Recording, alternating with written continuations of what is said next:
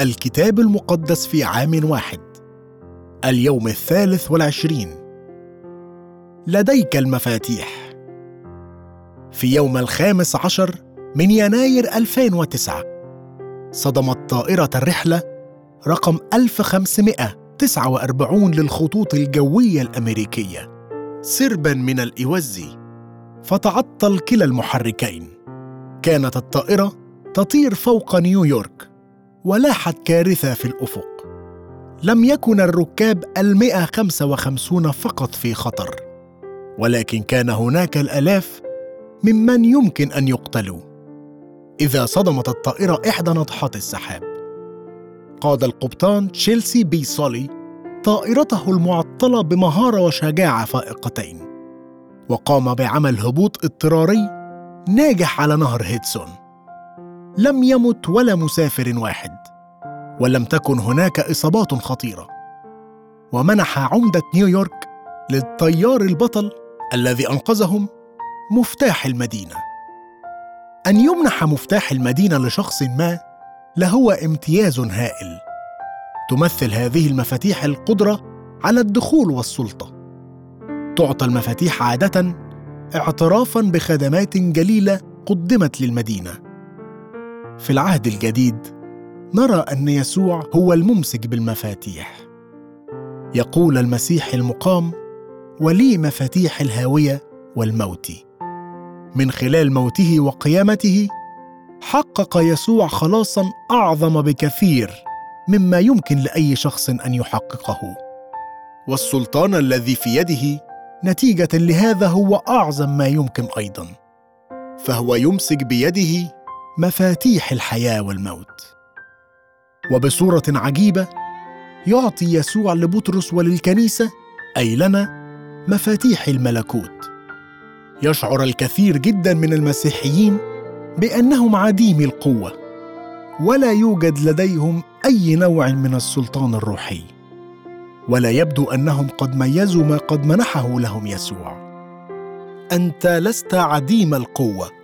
فلديك امتياز منحك مفاتيح الملكوت العظيم. المزمور الرابع عشر. قال الجاهل في قلبه ليس إله. فسدوا ورجسوا بأفعالهم ليس من يعمل صلاحا. الرب من السماء أشرف على بني البشر لينظر هل من فاهم طالب الله؟ الكل قد زاغوا معا فسدوا. ليس من يعمل صلاحا. ليس ولا واحد. ألم يعلم كل فاعل الإثم؟ الذين يأكلون شعبي كما يأكلون الخبز والرب لم يدعوا هناك خفوا خوفا لأن الله في الجيل الباري. رأي المسكين نقضتم لأن الرب ملجأه. ليت من صهيون خلاص إسرائيل. عند رد الرب سبي شعبه يهتف يعقوب ويفرح إسرائيل. تمتع بإمكانية الوصول إلى الله. أن تعطى مفاتيح الملكوت يعني أنك قد أعطيت إمكانية الوصول إلى الله. هذا ما حققه يسوع من أجلنا. لقد بحث الله دائما عن أولئك الذين يطلبون الله. بإمكانك التمتع بسهولة الوصول إلى الله. لكن لا أحد بار. فقد أخطأ كل الجنس البشري. لقد صار كل فرد منا فاسدا. يصف داود هذا الفساد بتعبيرات عامة لكنه يقدم أيضا مثلين محددين أيضا. إنكار وجود الله قال الجاهل في قلبه ليس إله. الفشل في مساعدة المساكين. رأي المسكين ناقضتم. يتضمن ملكوت الله طلب الله وطلب إجراء العدل للمساكين. وهذه بالتحديد هي الملاحظة التي يختتم بها المزمور.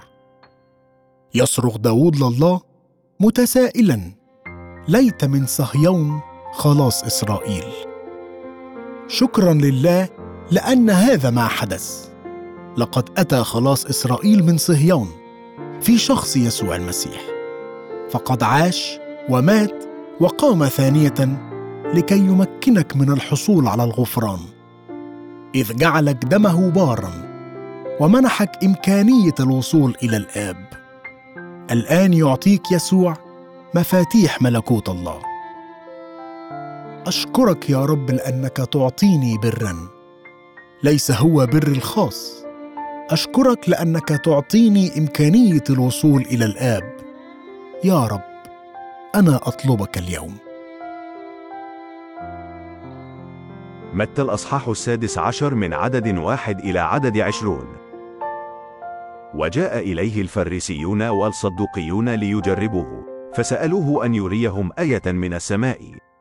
فأجاب وقال لهم إذا كان المساء قلتم صحون لأن السماء محمرة. وفي الصباح اليوم شتاء لأن السماء محمرة بعبوسة. يا مراؤون تعرفون أن تميزوا وجه السماء؟ وأما علامات الأزمنة فلا تستطيعون. جيل شرير فاسق يلتمس آية ولا تعطى له آية إلى آية يونان النبي. ثم تركهم ومضى ولما جاء تلاميذه إلى العبر نسوا أن يأخذوا خبزا. وقال لهم يسوع انظروا وتحرزوا من خمير الفريسيين والصدوقيين. ففكروا في أنفسهم قائلين إننا لم نأخذ خبزا. فعلم يسوع وقال لهم لماذا تفكرون في أنفسكم يا قليل الإيمان أنكم لم تأخذوا خبزا؟ أحتى الآن لا تفهمون ولا تذكرون خمس خبزات الخمسة الآلاف وكم قفة أخذتم ولا سبع خبزات الأربعة الآلاف وكم سلا أخذتم. كيف لا تفهمون أني ليس عن الخبز؟ قلت لكم أن تتحرزوا من خمير الفريسيين والصدوقيين حينئذ فهموا أنه لم يقل أن يتحرزوا من خمير الخبز. بل من تعليم الفريسيين والصدوقيين. ولما جاء يسوع إلى نواحي قيصرية فيلبس سأل تلاميذه قائلا من يقول الناس إني أنا ابن الإنسان؟ فقالوا قوم يوحنا المعمدان وآخرون إيليا وآخرون إرميا أو واحد من الأنبياء. قال لهم وأنتم من تقولون إني أنا؟ فأجاب سمعان بطرس وقال أنت هو المسيح ابن الله الحي. فأجاب يسوع وقال له طوبى لك يا سمعان بن يونا إن لحما ودما لم يعلن لك لكن أبي الذي في السماوات. وأنا أقول لك أيضا أنت بطرس وعلى هذه الصخرة أبني كنيستي وأبواب الجحيم لن تقوى عليها. وأعطيك مفاتيح ملكوت السماوات فكل ما تربطه على الأرض يكون مربوطا في السماوات. وكل ما تحله على الأرض يكون محلولا في السماوات. حينئذ أوصى تلاميذه أن لا يقولوا لأحد إنه يسوع المسيح. خذ المفاتيح بالإيمان. كان سياق تعليم يسوع عن مفاتيح الملكوت هو فهم من هو يسوع والاعتراف به. تماما كما قرأنا في مزمور اليوم. يبحث الله عن من يفهم.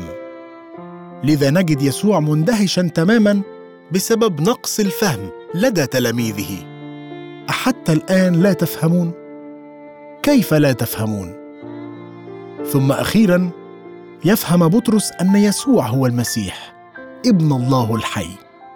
في إطار هذا السياق يعطي يسوع لبطرس المفاتيح قائلا على هذه الصخرة أبني كنيستي وأبواب الجحيم لن تقوى عليها. وأعطيك مفاتيح ملكوت السماوات. فكل ما تربطه على الأرض يكون مربوطا في السماوات. وكل ما تحله على الأرض يكون محلولا في السماوات. كلمات يسوع موجهة لبطرس. على الإيمان الأشبه بالصخرة والذي أبداه بطرس. سيبني يسوع كنيسته. ويأخذ بطرس مفاتيح الملكوت. في يوم الخمسين فتح بطرس الباب لثلاثة ألاف شخص وقد فتح الباب لقائد المئة الأممي كرنيليوس وبالتالي لكل العالم الأممي. لكن ليس بطرس وحده هو من يملك مفاتيح الملكوت. فيما بعد في إنجيل متى يعطي يسوع التلاميذ سلطانا مشابها. الحق أقول لكم كل ما تربطونه على الأرض يكون مربوطا في السماء وكل ما تحلونه على الأرض يكون محلولا في السماء. هذه هي المسؤولية والامتياز غير العاديين. اللذان يعطيهما يسوع لنا. نحن كنيسته. إنه يعطينا مفاتيح الملكوت. سيكون لديك إمكانية الوصول الحر لملكوت الله. المفاتيح لفتح كل وأي باب. لا مزيد من الحواجز بين السماء والأرض ولا بين الأرض والسماء. نعم على الأرض ستعني نعم في السماء. لا على الأرض ستكون لا في السماء. يقول يسوع في الواقع إن قوى الجحيم لن تغلب الشخص المؤمن به بل إن الكنيسة المسلحة بمفاتيح الملكوت يمكنها أن تعصف بأبواب الجحيم وأن تحرر السجناء الذين تحتجزهم هذه الأبواب. أبواب الجحيم لن تصمد أمام الكنيسة. الأبواب هي وسيلة دفاعية وليست هجومية. إنها الكنيسة هي التي في الوضع الهجومي ويمكنك أن تكون متاكدا من النصره ضد دفاعات العدو. يمكنك أن تنال الامتياز الرائع برؤية الناس يتحررون من خلال تبشيرك بأخبار الملكوت السارة. يمكنك أن تتمتع بفرحة رؤية الناس تتحرر من إدمان الكحول والمخدرات والجريمة وكل قيد آخر. يمكنك أن تتناول التحديات بثقة غير خائف من أي شر عالما أنك تشترك في سلطان روحي عظيم. أشكرك يا رب لأجل وعدك. أنه مهما ربطنا على الأرض فسيكون مربوطا في السماوات وما حللنا على الأرض يكون محلولا في السماوات. التكوين الأصحاح الخامس والأربعون. فلم يستطع يوسف أن يضبط نفسه لدى جميع الواقفين عنده فصرخ أخرجوا كل إنسان عني. فلم يقف أحد عنده حين عرف يوسف إخوته بنفسه. فأطلق صوته بالبكاء فسمع المصريون وسمع بيت فرعون. وقال يوسف لإخوته أنا يوسف. أحي أبي بعد. فلم يستطع إخوته أن يجيبوه لأنه مرتاع منه. فقال يوسف لإخوته تقدموا إلي. فتقدموا. فقال أنا يوسف أخوكم الذي بعتموه إلى مصر. والآن لا تتأسفوا ولا تغتاظوا لأنكم بعتموني إلى هنا. لأنه لاستبقاء حياة أرسلني الله قدامكم. لأن للجوع في الأرض الآن سنتين وخمس سنين أيضا لا تكون فيها فلاحة ولا حصاد. فقد أرسلني الله قدامكم ليجعل لكم بقية في الأرض وليستبقي لكم نجاة عظيمة. فالآن ليس أنتم أرسلتموني إلى هنا بل الله. وهو قد جعلني أبا لفرعون وسيدا لكل بيته ومتسلطا على كل أرض مصر. أسرعوا واصعدوا إلى أبي وقولوا له هكذا يقول ابنك يوسف قد جعلني الله سيدا لكل مصر. انزل إلي. لا تقف. فتسكن في أرض جاسان وتكون قريبا مني أنت وبنوك وبنو بنيك وغنمك وبقرك وكل ما لك وأعولك هناك لأنه يكون أيضا خمس سنين جوعا. لئلا تفتقر أنت وبيتك وكل ما لك وهو ذا عيونكم ترى وعين أخي بنجامين. أن فمي هو الذي يكلمكم. وتخبرون أبي بكل مجدي في مصر وبكل ما رأيتم وتستعجلون وتنزلون بأبي إلى هنا. ثم وقع على عنق بنجامين أخيه وبكى وبكى بنجامين على عنقه. وقبل جميع إخوته وبكى عليهم. وبعد ذلك تكلم إخوته معه. وسمع الخبر في بيت فرعون وقيل جاء إخوة يوسف. فحسن في عيني فرعون وفي عيون عبيده فقال فرعون ليوسف قل لإخوتك افعلوا هذا. حملوا دوابكم وانطلقوا. اذهبوا إلى أرض كنعان. وخذوا أباكم وبيوتكم وتعالوا إلي. فأعطيكم خيرات أرض مصر وتأكلوا دسم الأرض. فأنت قد أمرت. افعلوا هذا. خذوا لكم من أرض مصر عجلات لأولادكم ونسائكم. واحملوا أباكم وتعالوا. ولا تحزن عيونكم على أثاثكم لأن خيرات جميع أرض مصر لكم. ففعل بنو إسرائيل هكذا وأعطاهم يوسف عجلات بحسب أمر فرعون وأعطاهم زادا للطريق وأعطى كل واحد منهم حلل ثياب وأما بنجامين فأعطاه ثلاثمائة من الفضة وخمس حلل ثياب. وأرسل لأبيه هكذا عشرة حمير حاملة من خيرات مصر وعشر أتن حاملة حنطة وخبزا وطعاما لأبيه لأجل الطريق. ثم صرف إخوته فانطلقوا وقال لهم لا تتغاضبوا في الطريق. فصعدوا من مصر وجاءوا إلى أرض كنعان إلى يعقوب أبيهم. وأخبروه قائلين يوسف حي بعد وهو متسلط على كل أرض مصر. فجمد قلبه لأنه لم يصدقهم. ثم كلموه بكل كلام يوسف الذي كلمهم به. وأبصر العجلات التي أرسلها يوسف لتحمله. فعاشت روح يعقوب أبيهم. فقال إسرائيل كفى. يوسف ابني حي بعد. أذهب وأراه قبل أن أموت. التكوين الأصحاح السادس والأربعون. فارتحل إسرائيل وكل ما كان له وأتى إلى بئر سبع وذبح ذبائح الإله أبيه إسحاق. فكلم الله إسرائيل في رؤى الليل وقال يعقوب يعقوب. فقال ها أنا ذا. فقال أنا الله إله أبيك. لا تخف من النزول إلى مصر لأني أجعلك أمة عظيمة هناك. أنا أنزل معك إلى مصر وأنا أصعدك أيضا. ويضع يوسف يده على عينيك.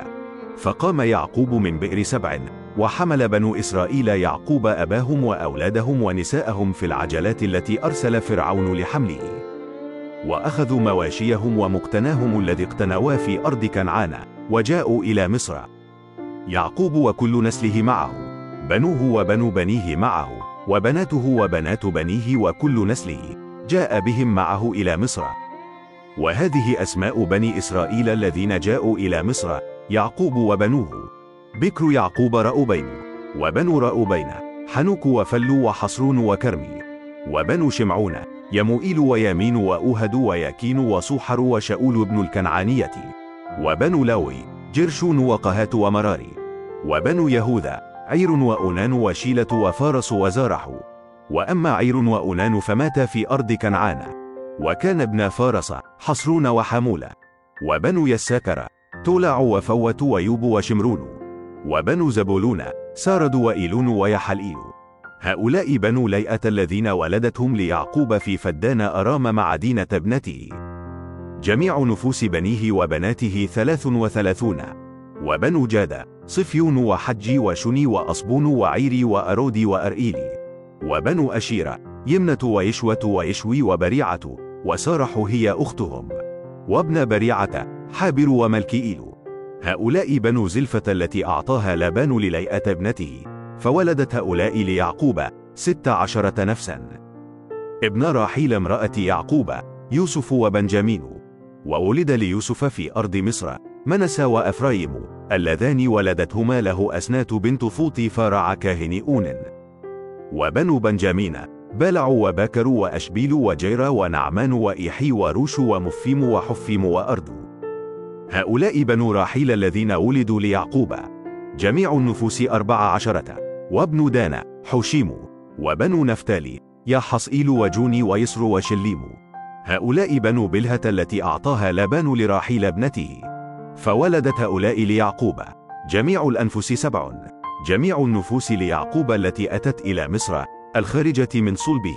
ما عدا نساء بني يعقوب جميع النفوس ست وستون نفسا. وابن يوسف اللذان ولد له في مصر نفسان. جميع نفوس بيت يعقوب التي جاءت إلى مصر سبعون. فأرسل يهوذا أمامه إلى يوسف ليري الطريق أمامه إلى جاسان ثم جاءوا إلى أرض جاسان فشد يوسف مركبته وصعد لاستقبال إسرائيل أبيه إلى جاسان ولما ظهر له وقع على عنقه وبكى على عنقه زمانا. فقال إسرائيل ليوسف أموت الآن بعدما رأيت وجهك أنك حي بعد. ثم قال يوسف لإخوته ولبيت أبيه أصعد وأخبر فرعون وأقول له إخوتي وبيت أبي الذين في أرض كنعان جاءوا إلي. والرجال رعاة غنم فإنهم كانوا أهل مواش وقد جاءوا بغنمهم وبقرهم وكل ما لهم. فيكون إذا دعاكم فرعون وقال ما صناعتكم؟ أن تقولوا عبيدك أهل مواش منذ صبانا إلى الآن نحن وآباؤنا جميعا. لكي تسكنوا في أرض جاسانا لأن كل راعي غنم رجس للمصريين. التكوين الأصحاح السابع والأربعون من عدد واحد إلى عدد إثنى عشر.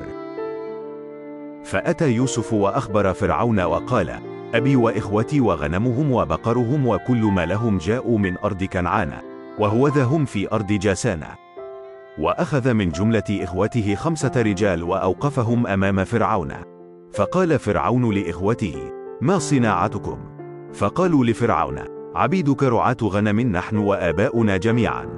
وقالوا لفرعون جئنا لنتغرب في الأرض إذ ليس لغنم عبيدك مرعا لأن الجوع شديد في أرض كنعان. فالآن ليسكن عبيدك في أرض جسانة. فكلم فرعون يوسف قائلا أبوك وإخوتك جاءوا إليك. أرض مصر قدامك. في أفضل الأرض أسكن أباك وإخوتك ليسكنوا في أرض جاسانة وإن علمت أنه يوجد بينهم ذو قدرة فاجعلهم رؤساء مواش على التي لي. ثم أدخل يوسف يعقوب أباه وأوقفه أمام فرعون. وبارك يعقوب فرعون. فقال فرعون ليعقوب كم هي أيام سن حياتك؟ فقال يعقوب لفرعون أيام سن غربتي مئة وثلاثون سنة. قليلة وردية كانت أيام سن حياتي ولم تبلغ إلى أيام سن حياة آبائي في أيام غربتهم. وبارك يعقوب فرعون وخرج من لدن فرعون. فأسكن يوسف أباه وإخوته وأعطاهم ملكا في أرض مصر في أفضل الأرض في أرض رعمسيس كما أمر فرعون. وعال يوسف أباه وإخوته وكل بيت أبيه بطعام على حسب الأولاد. افتح الأبواب وسترى حياة الناس قد تغيرت. كتب ألكسندر دوماس من أحس بأعمق الأحزان هو الأكثر قدرة على اختبار السعادة الفائقة. مر يعقوب إسرائيل وعائلته بحزن عميق. الآن يختبرون سعادة فائقة. أحيانا أحاول أن أخفي مشاعري لكن يوسف كان رجلا ذا مشاعر جارفة. عندما عرف نفسه لإخوته. أطلق صوته بالبكاء. فسمع المصريون وسمع بيت فرعون. ثم وقبل جميع إخوته وبكى عليهم. العواطف والمشاعر هي جزء من طبيعتنا المخلوقة بنفس قدر الأيدي والرئة. لا تخف من إظهار مشاعرك. لقد بكى يسوع وأظهر تعاطفه على الملأ. غفر يوسف لإخوته بالكامل.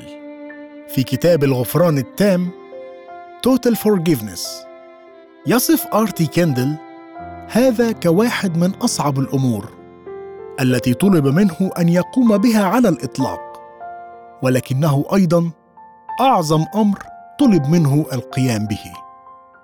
ظهرت بركة غير متوقعة بينما بدأت أخفر. جاء سلام لم أختبر مثله لسنوات إلى قلبي. استطاع يوسف أن يرى أنه بالرغم من كل المصاعب التي مر بها إلا أن الله استخدمه ليخلص حياة الكثيرين. قال ثلاث مرات أن الله هو الذي أرسله. قال يوسف والآن لا تتأسفوا ولا تغتاظوا لأنكم بعتموني إلى هنا. لأنه لاستبقاء حياة أرسلني الله قدامكم. بينما أنظر إلى حياتي الماضية أدرك كم مرة قلقت بلا داعي. لو كنت فقط قد وثقت بالله تماما لكنت وفرت على نفسي الكثير جدا من الاضطرابات. فكر في كم الألم الذي أحس به يعقوب على يوسف. عندما كان الله في الواقع هو المسيطر تماما. قال يسوع أنه أتى ليتمم العهد القديم. تعد قصة يوسف مثالا جيدا على هذا. تمم يسوع ما كان يوسف ظلا له. كانت معاناة يوسف جزءا من خطة الله. لينقذ شعبه وبينما كان ينقذ شعبه جعل الله يوسف سيدا وحاكما على كل مصر. واحد من مفاتيح الملكوت هو أن نفهم أن يسوع هو مخلص العالم. أن نرى أنه من خلف الصليب كانت يد الله تخلص حياة الناس من خلال ألام يسوع. خلاصا عظيما. والآن جعل الله يسوع ليس فقط سيدا على كل مصر بل ربا لكل الخليقة.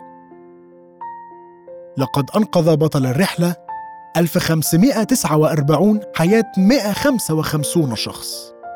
ومنح مفاتيح مدينة نيويورك. أنقذ يوسف حياة شعب الله. وجعل سيدا على كل مصر. خلص يسوع العالم وأعطي له مفاتيح الملكوت التي ناولها لكنيسته. يا لها من امتيازات رائعة. أشكرك يا رب لأنه من خلال يسوع يمكنني أن أنال غفرانا تاما. ساعدني لكي أغفر للآخرين تماما. أشكرك لأن هذا واحد من مفاتيح الملكوت. ليتنا نحن الكنيسة نستخدم هذه المفاتيح لنفتح أبواب الجحيم ونحرر الناس. المصالحة ممكنة فقط عن طريق الكثير من الغفران من جميع النواحي. كان غفران يوسف لإخوته تاما. محبة تستر الكثير جدا من الخطايا. لو كنت أنا يعقوب كنت سأصبح غاضبة من أولادي لأجل كل المعاناة التي وضعوني فيها. لكن يعقوب كان سعيدا جدا لكون ابنه الغالي حي. لقد أمكنهم فقط أن يتعجبوا من خطة الله غير العادية لإنقاذهم.